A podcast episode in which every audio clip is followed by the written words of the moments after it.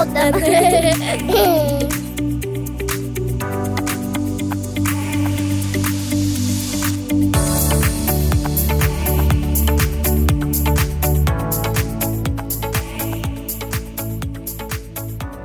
Välkommen till Järvsöpodden Pelle. Ja, men tack så mycket. Välkommen hit. Tack så mycket. Ja, men hit. För just nu så sitter vi i Korsjö, eller hur? Jajamän. Ja. Och då måste jag ju fråga, vad är det för skillnad på lill-sia och sol-sia? Och sol-sia. Sol-sia. Eller stor-sia. Eller stor-sia. Vad är det man Eh. säger? Ja, men Lill-Sia är ju den här sidan på älven. Eh, centrum är ju storsidan. Västra sidan. Vi sitter ju på östra sidan, lillsidan här. Och det, det är här solen skiner.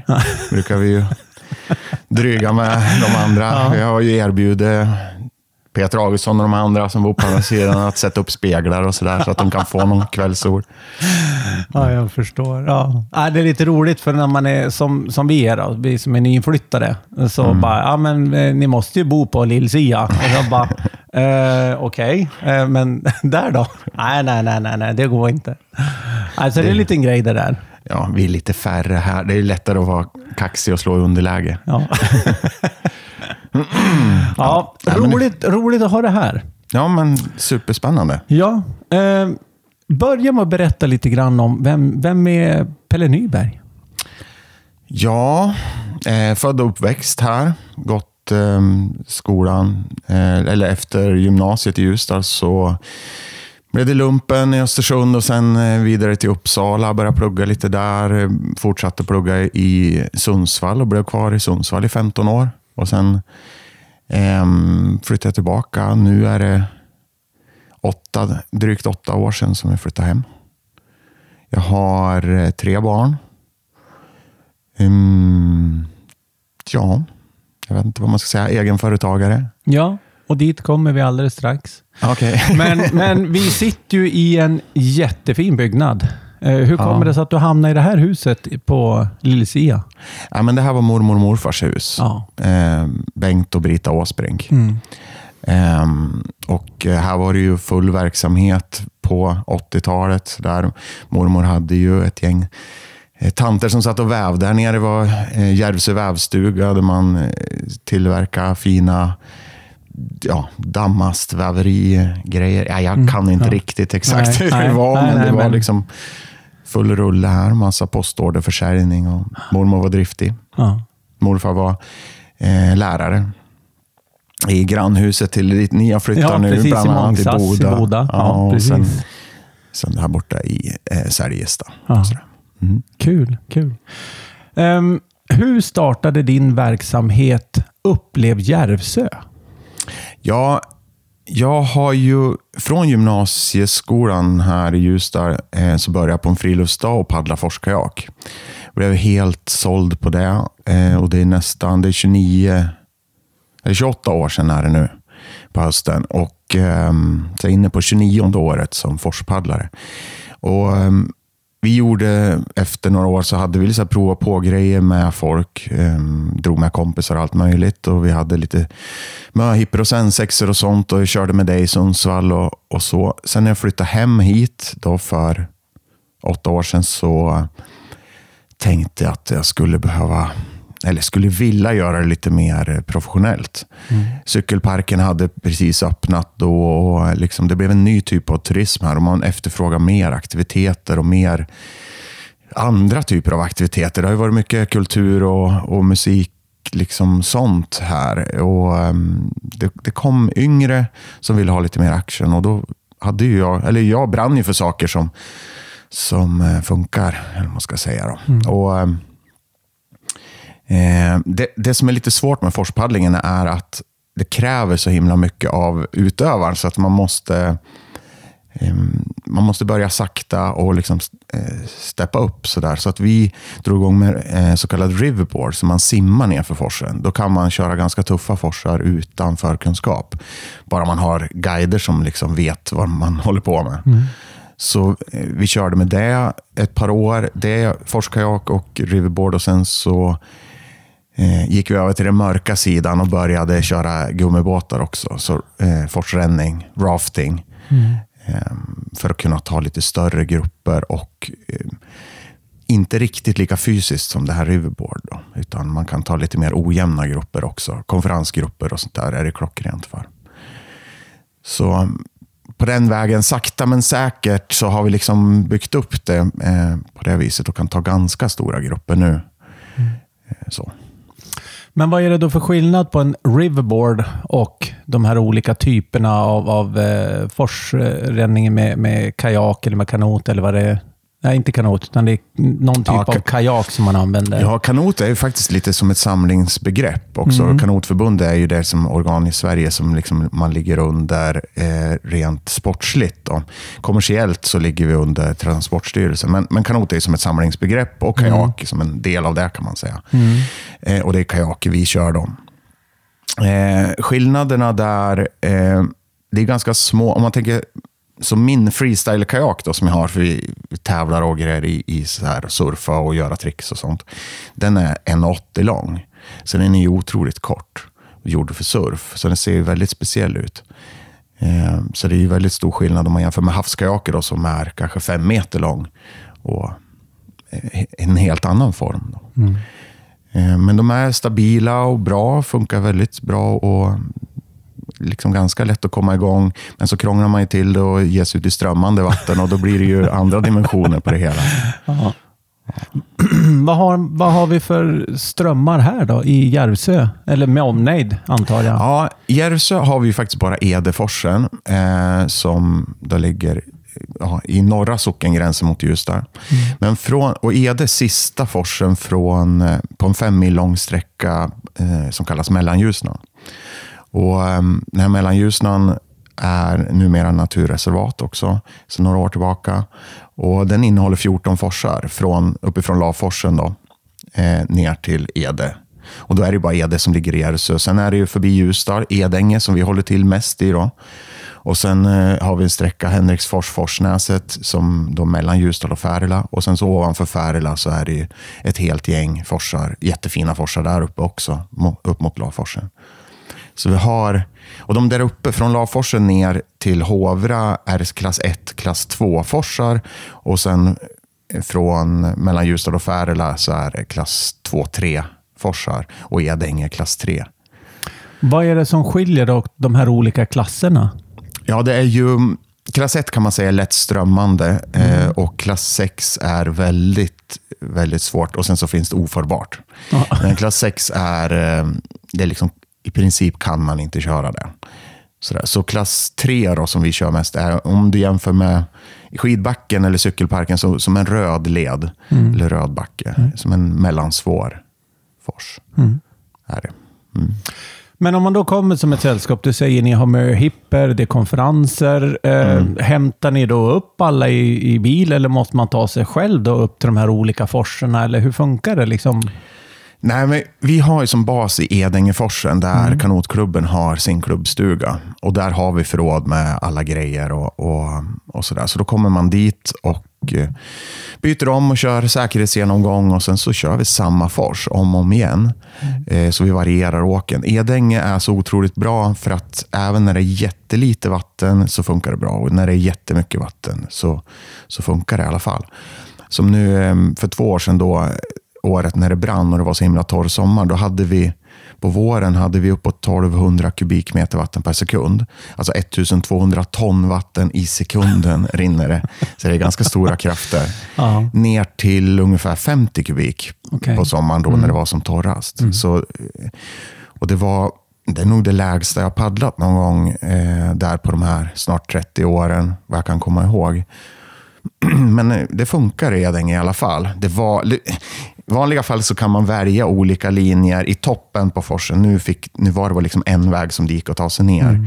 Eh, så där var det lite mindre eh, valmöjligheter. Men sen nere under broarna där det trycker ihop så där, då var det någon ny våg som dök upp som vi kunde surfa. En fyra meter bred våg som vi surfade massa på. Som var ja, jättekul. Som Häftigt. bara dök upp därför. Liksom. Du nämner en, en eh, säkerhetsgenomgång. Mm. Hur är det med säkerheten när de med alla stenar och grejer när man är ute och paddlar? Ja, eh, många har ju en bild av att det, att det skulle vara väldigt farligt eh, med forsränning och sådär, eller vara i forsen. Och har man som sagt inte rätt kunskap och utrustning så, så, kan det ju vara det, absolut. Så har man inte flytväst och våtdräkt och sådär så, så kan det lätt bli farligt. Men mm. Vi har ju som aldrig några incidenter, peppa peppa får jag väl säga då, men, men eh, vi har ju haft några tusen pers genom forsen genom åren nu. Bara i år har vi haft tusen personer. Så eh, jag ska säga att det händer aldrig. Mm. Eh, ska jag säga. För vi, det är supernoga med säkerheten. Vi har massa utbildningar, väldigt lång erfarenhet också. Och sen ehm, eh, jättehöga krav på vad vi ska ha för saker. Det är ner till vad det ska vara för färg på grejer också. För att, eh, att man ska kunna, kunna enkelt skilja på vem som är guide och vem som är gäst. För att man ska kunna se, liksom, om alla ligger och simmar där, ska man snabbt kunna se vem som är vem och hur. Mm. Det, är, det är sådana här saker. Då.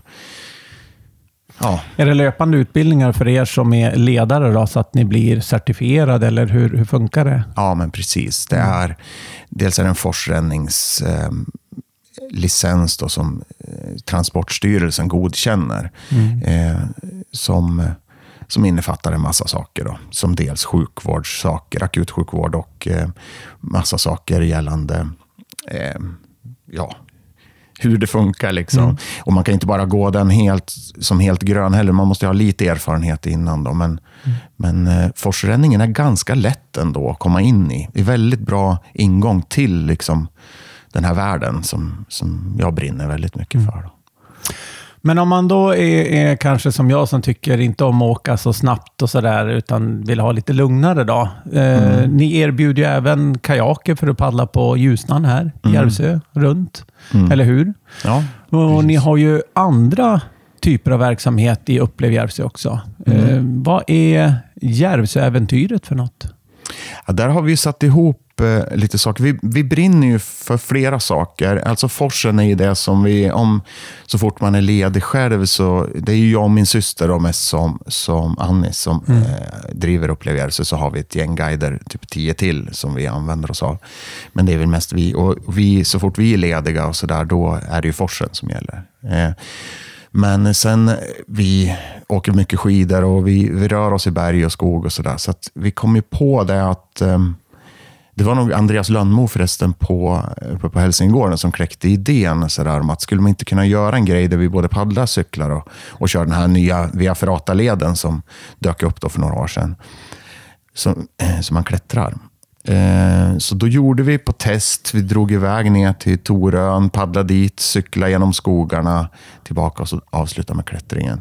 Och mm, det blev ett väldigt bra koncept. För det, man får med sig liksom alltihopa. Det blir helt nya perspektiv när man kommer ner på vattnet. Man paddlar lite lugnt och stilla med kajakerna. Kommer väldigt nära naturen och, och djuren. Ehm, så det blir ett perspektiv då ner till Toran. Lite lagom långt, typ sju kilometer. Man tar in den här sanna kanalen som vi kallar den för. Ehm, väldigt lugnt och fint. Ehm, och sen så cyklar, fika lite på Toran, cyklar över Mörkberget, få lite fin stig, grusväg eh, efter Sannaleden bitvis. Då. Eller beroende på vad, vad man eh, hur tufft man vill ha det. finns ju lite olika stigar. Eller så följer man Sannaåsen, den fina grusvägen tillbaka mm. in till byn. Över Stenegård, mm. käka lunch in i byn och sen så tar man den här Via Ferrata-klättringen upp till Öjebergets topp. Och Det är så grymt när man sitter där på, det finns ju en liksom rastplatsbänk där uppe när man kommer upp för den här leden. Sitter man där och fikar lite igen och, och tittar ut. Och så ser man, så långt man ser söderut, så, eh, där älven försvinner bakom Mörkberget, det är liksom, ja, dit bort paddlar vi. Och, och sen över det där berget och sen genom skogarna tillbaka hit. Så man kan liksom sammanfatta dagen när man sitter där och ser. Liksom, vi har gjort allt det här, både liksom skog, och ärv och berg. Mm. Och Det är en ganska cool känsla. En fin upplevelse för de som har varit med med andra ord. Ja, men också en otroligt bra introduktion till vad vi har här. Eller som en kompression av, all, inte allt vi har, det är en liten del, men, men ändå väldigt mycket av naturen. Man mm. får... Det, det, tar typ sex timmar att, att köra den där. Och, så det blir liksom en hel dag. Man, eh, kan ju låta som mycket, lång tid att hålla på och eh, göra fysiska saker, men det, det är inte så att man sliter ut sig, utan det, är- det är liksom rätt trevligt bara. Men hur är det då? Behöver man ha med sig egen cykel? För vet du, kajaker har du. Ja, precis. Vi, vi, kajaker har vi och sen så brukar vi, vi köra med Kalle Sverre eh, med hans cyklar. Eller Okej. cykelservice. Ja, precis. Eh, så kör han ut grejer och hjälper oss med det. Och kör tillbaka kajaker och, och sådär.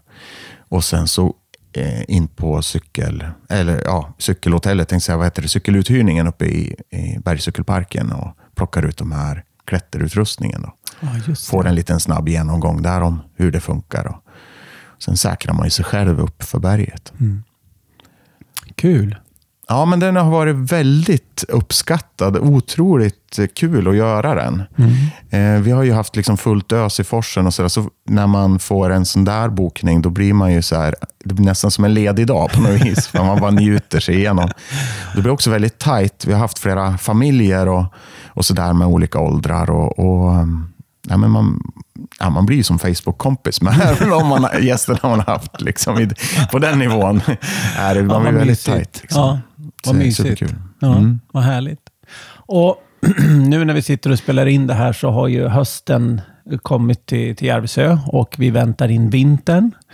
Och då slänger ni på er snöskor, va? Vad har, Ja. ni, vad har ni på gång då? Under vintertid? Vi kör ju lite på sparlåga får vi väl ändå säga om man ska jämföra. Men vi har, vi har snöskor och vi kan ta grupper uppåt en 25-30 personer samtidigt. Ehm, och eh, då har vi kört, jag har gjort på lite olika sätt.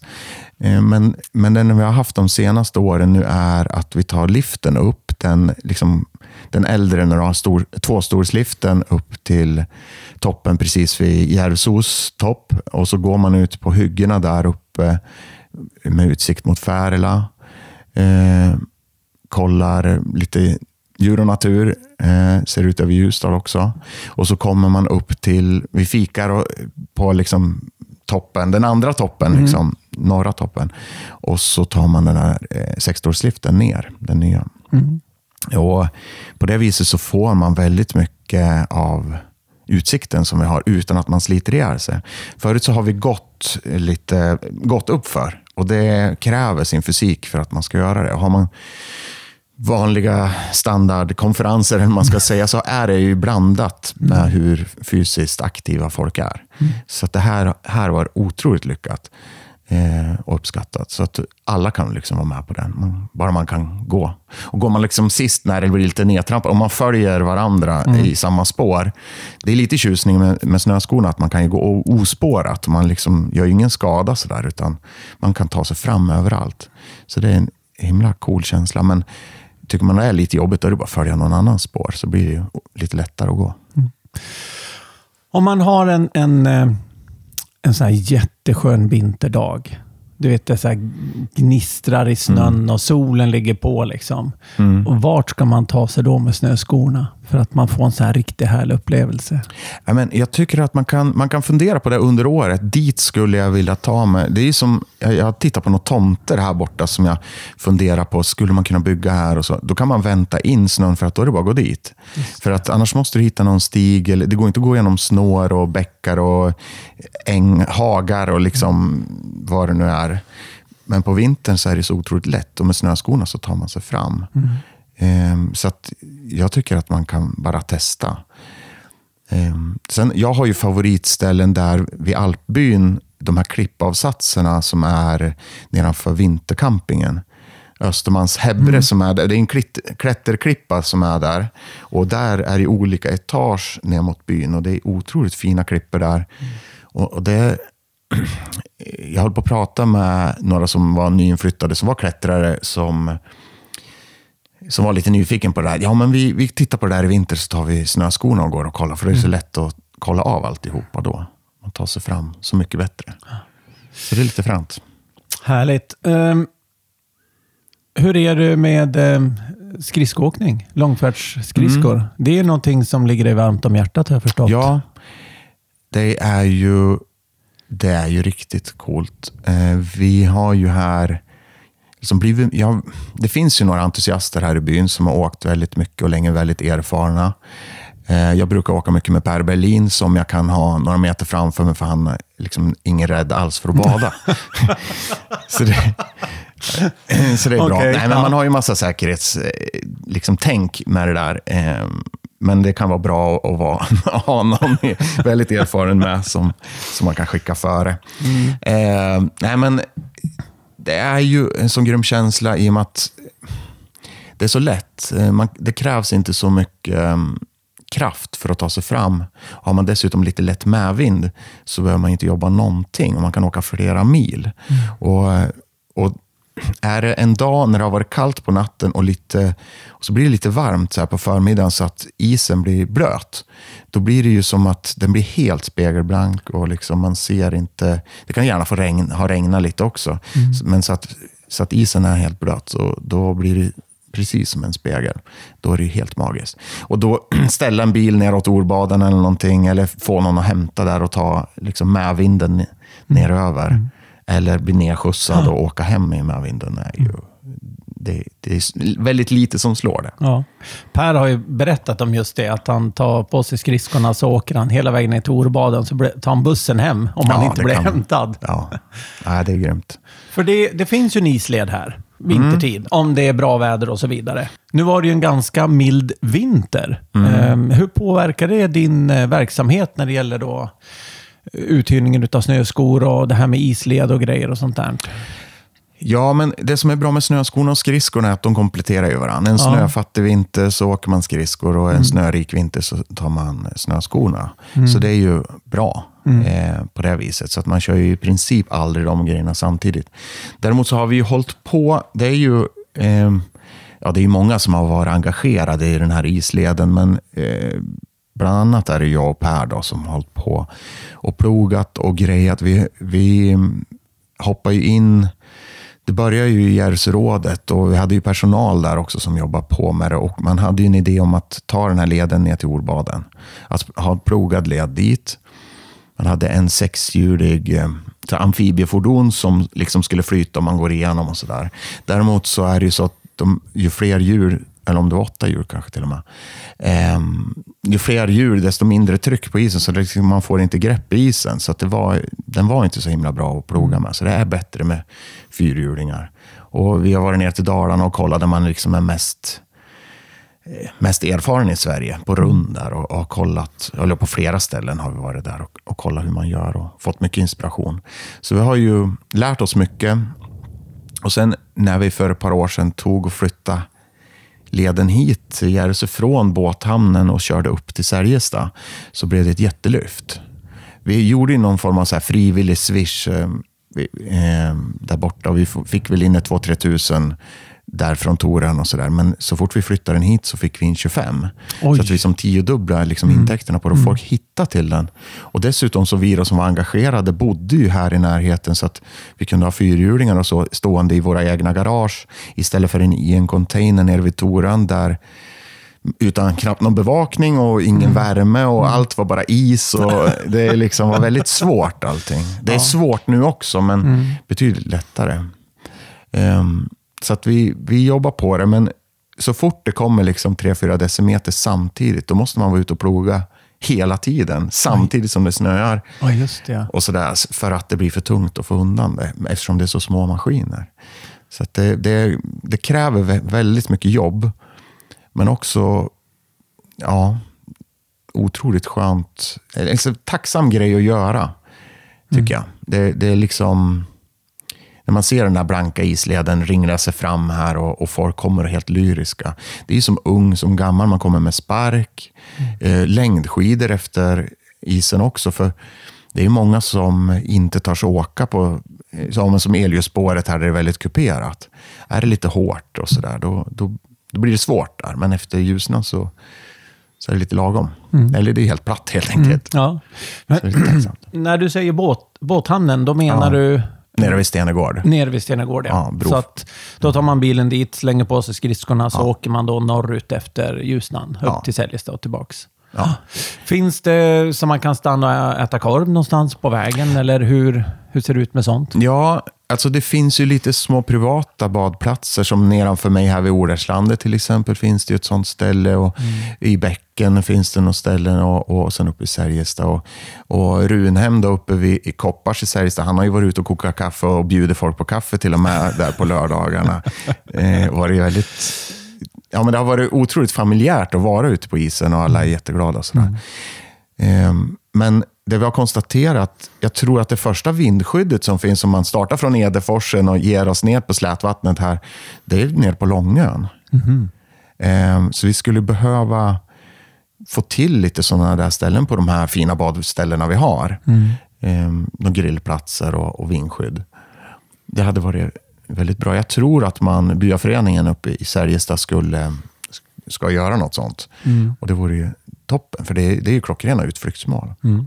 Kan det vara något för idéforum Absolut. att ta tag i? Ja, vi har ju pratat om det och det är där den här gruppen, vi har en arbetsgrupp i det forum som, eh, som är isleden, som vi har ett gäng som är engagerade i. Eh, Sådär.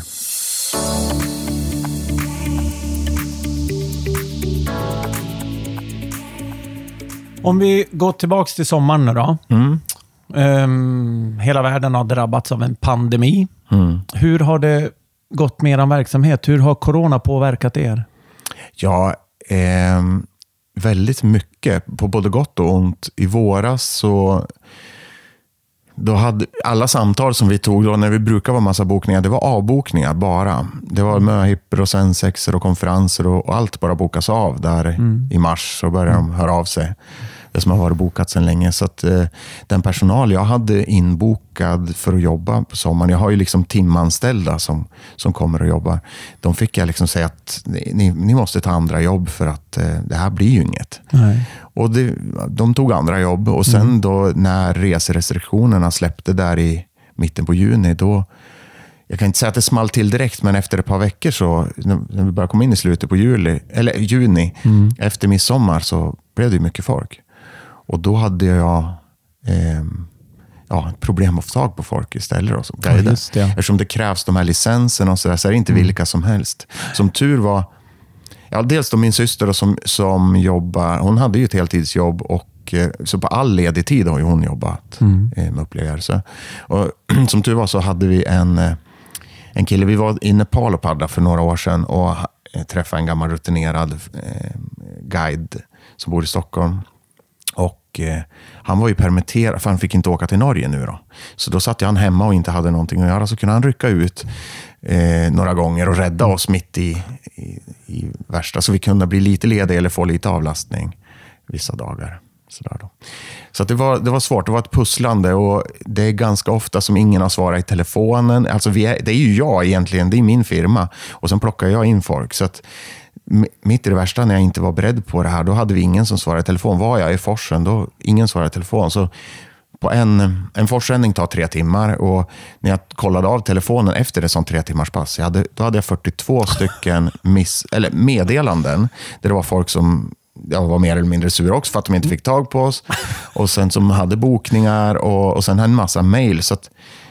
Vi körde liksom förmiddag, eftermiddag. Jag var med gäst åtta timmar effektiv tid i våtdräkt och sen lite mer fix före och efter. Plus då så fem, sex timmar med mejl och sms på kvällen. Så det var långa dagar. oj, oj.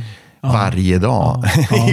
Så att jag slet ju hårt där kan man säga. Och såg inte familjen alls eh, på sommaren. Eller åt middag i bästa fall ihop. Ja. Eh, så det var ju slitsamt. Eh, men kul. Så att vi, vi för det blir ju också i det här kaoset med att folk ringer och sådär. När man väl är ute på vattnet, då är det ju liksom den båt man har med dem. Då sitter man där och pratar med dem och man är verkligen hemma i sitt element och, och eh, kan slappna av och ha det gött. Liksom. Så det, det har varit liksom både upp och ner. Man får energi och man liksom blir helt utsliten samtidigt. Så det, det, då, det, det går ju på något vis. Då. Vi har jobbat på. Nej, men så vi, I slutändan då så har vi ju, vi har ju rekorddålig vår. Alltså vi hade ju verkligen noll eh, intäkter på... Eller jag tror vi hade 1500 spänn in på tre månader eller någonting där. populär. Och sen så fick vi liksom rekord på rekord. Både, i- faktiskt till och med juni hade vi rekord och juli och, och augusti. Ungefär fördubbling, de månaderna i sig, ungefär fördubbling mot förra året som var rekord. Så att det var eh, ja, i princip 180 procent upp ungefär. Och det är ju helt galet bra då. Så vi ser då den här hemestern, den, den, liksom, den slog till och det bara sköt till i er verksamhet enormt mycket med andra ord. Ja, det, det, blev, eh, det var många som, som dök upp. Både långt ifrån, alltså ner i södra Sverige så hade vi liksom grabbgäng som var ute på eh, och gjorde hela Norrland på något vis och åkte förbi här. Och det är ju otroligt kul. Vi hade någon också från Ja, men de hade 60 mil hit, eller 60-70 mil hit. Åkte hit, var här med familjen, råkade hamna på forsränning här för att de skulle göra något med familjen. Kom tillbaka någon vecka sen med en kompis som fyllde 50. Och tror jag, undrar om jag inte var hit jo, ytterligare och körde kajak här också. Så tre gånger i sommar, liksom enkel resa 60 mil. Liksom. Så det är kul.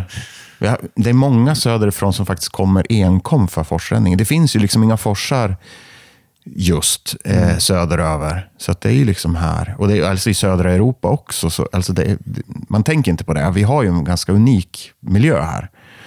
Ehm, jag skulle säga att det är väl kanske det mest unika här. Du måste in i fjällvärlden om du ska komma åt de där forsarna annars. Så att, eh, det är en grej som är väldigt cool. Som folk utifrån uppskattar mer än vad vi själva kanske gör. Hälsingland är ju fantastiskt. Det är ju det. Vad har du för utmaningar framöver? Nej, Det är ju det här med personal skulle jag säga. Ehm, det gäller att hålla grannar och sånt. Det ökar ju trafik på vägar och så där när vi har aktiviteter borta. Vi har ju en dålig grusväg som går över golfbanan i Ljusdal, bort förbi en massa sommarstugor till, till forsen. Eh, Sånt där ökar ju på. Det blir liksom, hålla alla nöjda. Både gäster då, som ska skumpa fram i sina små sportbilar ungefär efter den där grusvägen. Eh, och grannarna, att det inte ska damma och, och att folk inte ska köra för fort. Och sådär. Nej, men personalfrågan är väl den mest eftersom det kräver lite för just forsen då, att man måste ha licenser och grejer. Men vi har, vi har redan varit på det. Eh, nu har jag säkrat upp de som skulle ha jobbat i somras, så att de nu är inbokad för nästa sommar, att det är klart. Och sen kan man krydda på med något mer. Vi har ju haft praktikanter tidigare ifrån en, en eh, som guideutbildning i Åre, som har varit här, så nu har vi ska träffa en tjej om ett par veckor här som, ska, som vill komma och ha praktik nästa sommar. Och det där, det, är ju väldigt bra där. Vi har väldigt mycket att erbjuda. Vi har ju en som bredd på grejerna. Vi är ju, det är få i Sverige som har sån erfarenhet från forsen som vi har. Och kombinerat med kajak och, och forsränningen. Vi har ju eh, min syster som inte har hållit på lika länge, hållit på i 20 år hon också. Liksom, och väldigt erfaren. Och vi har ju gjort alla utbildningar och varit med liksom i framkanten med kanotförbundet och sådär, där man har tagit fram det här paddelpasset och alla nivåer där upp till svart eh, paddelpass och, och sådana där grejer har ju vi varit med liksom i ja, och gjort allting i sådana utbildningar och varit med hjälpt till och eh, ja, få till sånt där. Så vi har ju mycket erfarenhet och, och sådär. Så det är ju klockrent för en, en sån här person som kommer hit och har praktik. Då kan vi ju kan de vara med och lära sig de första veckorna och sen vara med och jobba på riktigt eh, de andra veckorna. Så, där. så det, det ja, win-win kan man ju säga. Så, så där är bra. Så det där ser jag fram emot. Eh, Vi ska, det blir spännande att se. Vi har ju precis fått besked nu att det här Järvsö gymnasium har fått tillstånd. Ehm, De hade ju presentation för oss här i våras. eh, Och det låter ju superspännande med alltihopa. Vi har också träffat dem och vi har sagt att vi kan erbjuda då till exempel licenser inom olika saker. Ehm, som, som de här eleverna, att vi kan hjälpa dem att, få det. Och vi kan också erbjuda praktikplats och sånt eh, till sådana. Då. Så det, det ska bli superspännande att se var det där landar någonstans. Eh, jag tror att det, det blir väldigt win-win för, för turistbranschen här, att vi kan ha det så nära och liksom, eftersom vi har så otroligt fina anläggningar. Otroligt bra kvalitet på... Vi har inga stora berg, men de räcker väldigt bra för cykling och, och de är så duktiga på, i skidbacken att hålla bra kvalitet på pister och sådär. Och, och för att komma in i arbetslivet så är det ju jätteviktigt. Alltså, så första jobb är det ju klockrena ställen. Och, mm. Dina tankar då kring eh, Järvsögymnasiet? Mm. Det, det, blev ju ett okej okay från mm. Skolinspektionen, eh, mm. vilket gör att nu kommer de ju satsa på ett gymnasium här. Hur tror du det påverkar bygden framöver här? Ja, men för kommunens del, eh, Ljusdals kommun är ju ett otroligt bra ställe att vara på. Vi, vi pratar ju mycket Järvsö här, men det är, ju, mm. det är lite definitionen av vad turisterna tycker är Järvsö. De, de vet ju inte vilken kommun de är i. Och det, tänker man när man ska ut och resa så hamnar man i Järvsö. Så det blir mycket prat om Järvsö. Vi har ju vår verksamhet i Ljusdal och mycket av forsarna ligger uppåt Färila också. Mm. Men vi säger ju Järvsö hela tiden, vilket kanske sticker i ögonen på folk. Det är många som frågar varför säger ni Järvsö? Speciellt de från Ljusdal, Färila. Ja, ja. Men det är ju det som turisterna säger och det är som lättast. Och det är samma sak, det här med Järvsö gymnasium kommer ju också sticka ögonen på folk i kommunen. Och jag tror att det här kommer att vara otroligt viktigt för inflyttningen. Och vi ser, det finns ju motsvarande inriktningar hos Älvdalen och deras upptagningsområde. är ju väldigt många som kommer utifrån och flyttar in. Och jag tror att det här kan vara en sån grej, som en familj som funderar på att röra sig upp över, att man vill från storstadsområdena. Mm. Och så finns det en, en bra, spännande gymnasieutbildning. Det kan ju göra att hela familjen flyttar. Mm. Ehm, så jag tror... Alltså, alltså Slottegymnasiet i Ljusdal är bra. Där har man liksom de här traditionella linjerna och jag tror att det ska vara så. Mm. Um, stabilt, men det lockar ju kanske inte så mycket folk utifrån. Jag vet, ja, jag vet inte riktigt vilka som finns det, men när jag gick där så var det ju som bandygymnasium och skidgymnasium. Det drog in mycket folk utifrån. Och, och, så där. och Jag tror det behöver till lite sådana där saker för att få in folk utifrån. Och vi vill ju ha inflyttning till kommunen. Vi mm. behöver det. Mm. Jag tycker att, ja, när vi är inne på det, nu så jag drar ett sidospår här, eh, men jag tänker på cykelsatsningarna som har varit, gör ju också att kommunen i, överhuvudtaget kan växa på ett bra sätt. Som nu hittills då, så har ju väldigt mycket kretsat kring skidbacken och vara ski in, ski out. Mm. Och med cykelsatsningarna så behöver vi behöver inte bygga mer för att vi ska få bike in, bike out. För ute i byarna så det, det kryllar av stugor som står tomma mm. eh, som man kommer åt med cykel. Så att, eh, jag tror att det är helt rätt de här satsningarna på, på de sakerna. Och jag tror att det här Järvsögymnasiet, det går liksom hand i hand alltihopa. Jag tror inte att man ska bromsa det från andra kommundelar, utan liksom heja på. För jag tror att det, det, är det här som är vägen framåt för kommunen. Det tror jag också. Jag tror det är jättebra för, för hela kommunen och inte bara för Järvsö att få hit ett gymnasium. Sen är det bra att kunna komplettera Slottegymnasiet med, med ett till gymnasium som har, liksom, så att man får en större bredd i kommunen. Ja. Ehm, och det som du säger, om du tänker dig att du skickar iväg sonen eller dottern på skolan och så åker man upp och hälsar på och så ser man sen, men oj, men mm. här fanns det mycket, men du, kanske vi ska hänga på, som mm. du säger. Då kommer hela familjen hit och kanske har fler barn eller någonting sånt. Så jag, jag, tror det är jätte, jättebra för, mm. för kommunen faktiskt. Jag tror det. Och så nyttja det här, alltså utanför knuten så mm. har man, ja, men, vilka ställen har den här kombinationen? Man har cykelpark, eh, skidbacke, ett zoo, man har eh, en hockeyhall och golfbana och älven liksom inom en kilometer. Mm det är ju, man behöver inte liksom transporteras någonstans. Nej. Det är bara att gå emellan. Jag tror att det knappt finns den kombinationen någon annanstans. Och nu Så har vi även fått paddel. Ja.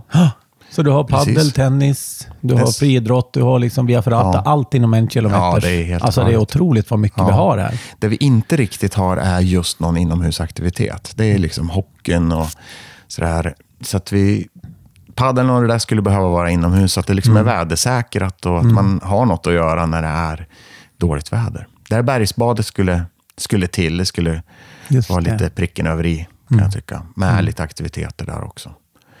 Så att, ehm, ja men det finns lite, lite grejer som vi kan utveckla byn med. Men, ja. Alla förutsättningar jag, i alla fall. Ja, men precis. Får jag då fråga, om du ska iväg på en, på en eh, aktivitet eller om du skulle vilja göra någonting med familjen till exempel. Vad gör du då? Ja, ska jag iväg med familjen? Nu har jag ju från, men jag har ju tre barn. En, Ja. en tvååring upp till, och sen en 15-åring och en 18-åring. Så det, ehm, ofta blir det ju iväg och grilla någonting sådär. Vi har en vall uppe i Harsa eh, som vi kan fara till. Alldeles för lite är vi där, men där är ju ett otroligt fint ställe. Så här upp badkärn och grilla korv där och vara det området är ju klass. Men annars om jag själv ska iväg, då är det ju, jag hamnar ju i Edänge.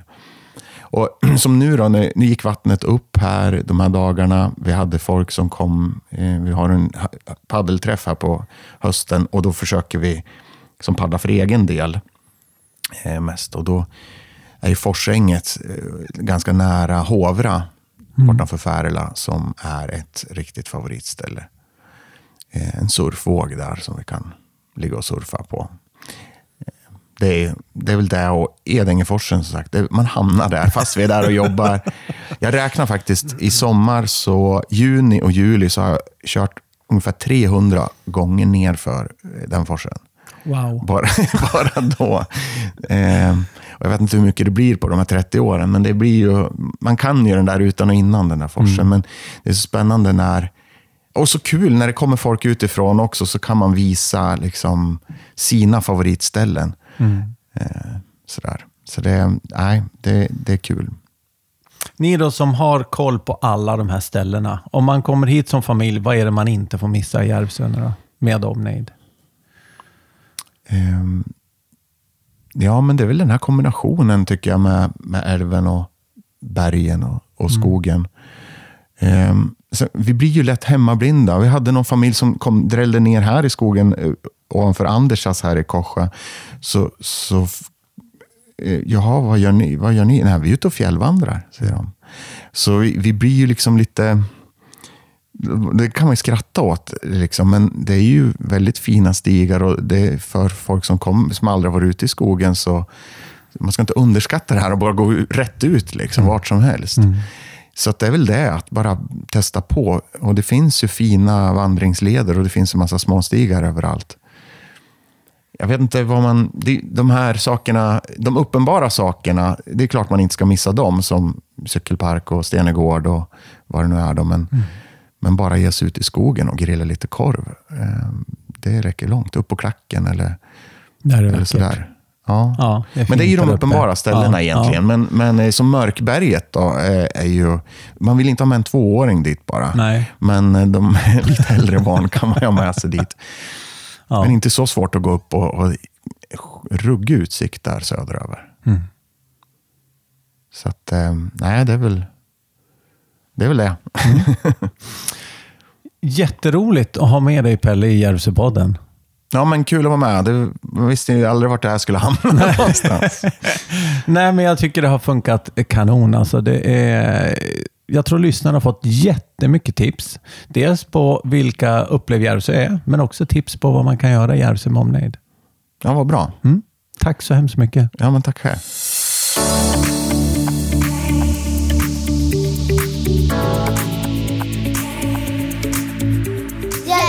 Podden.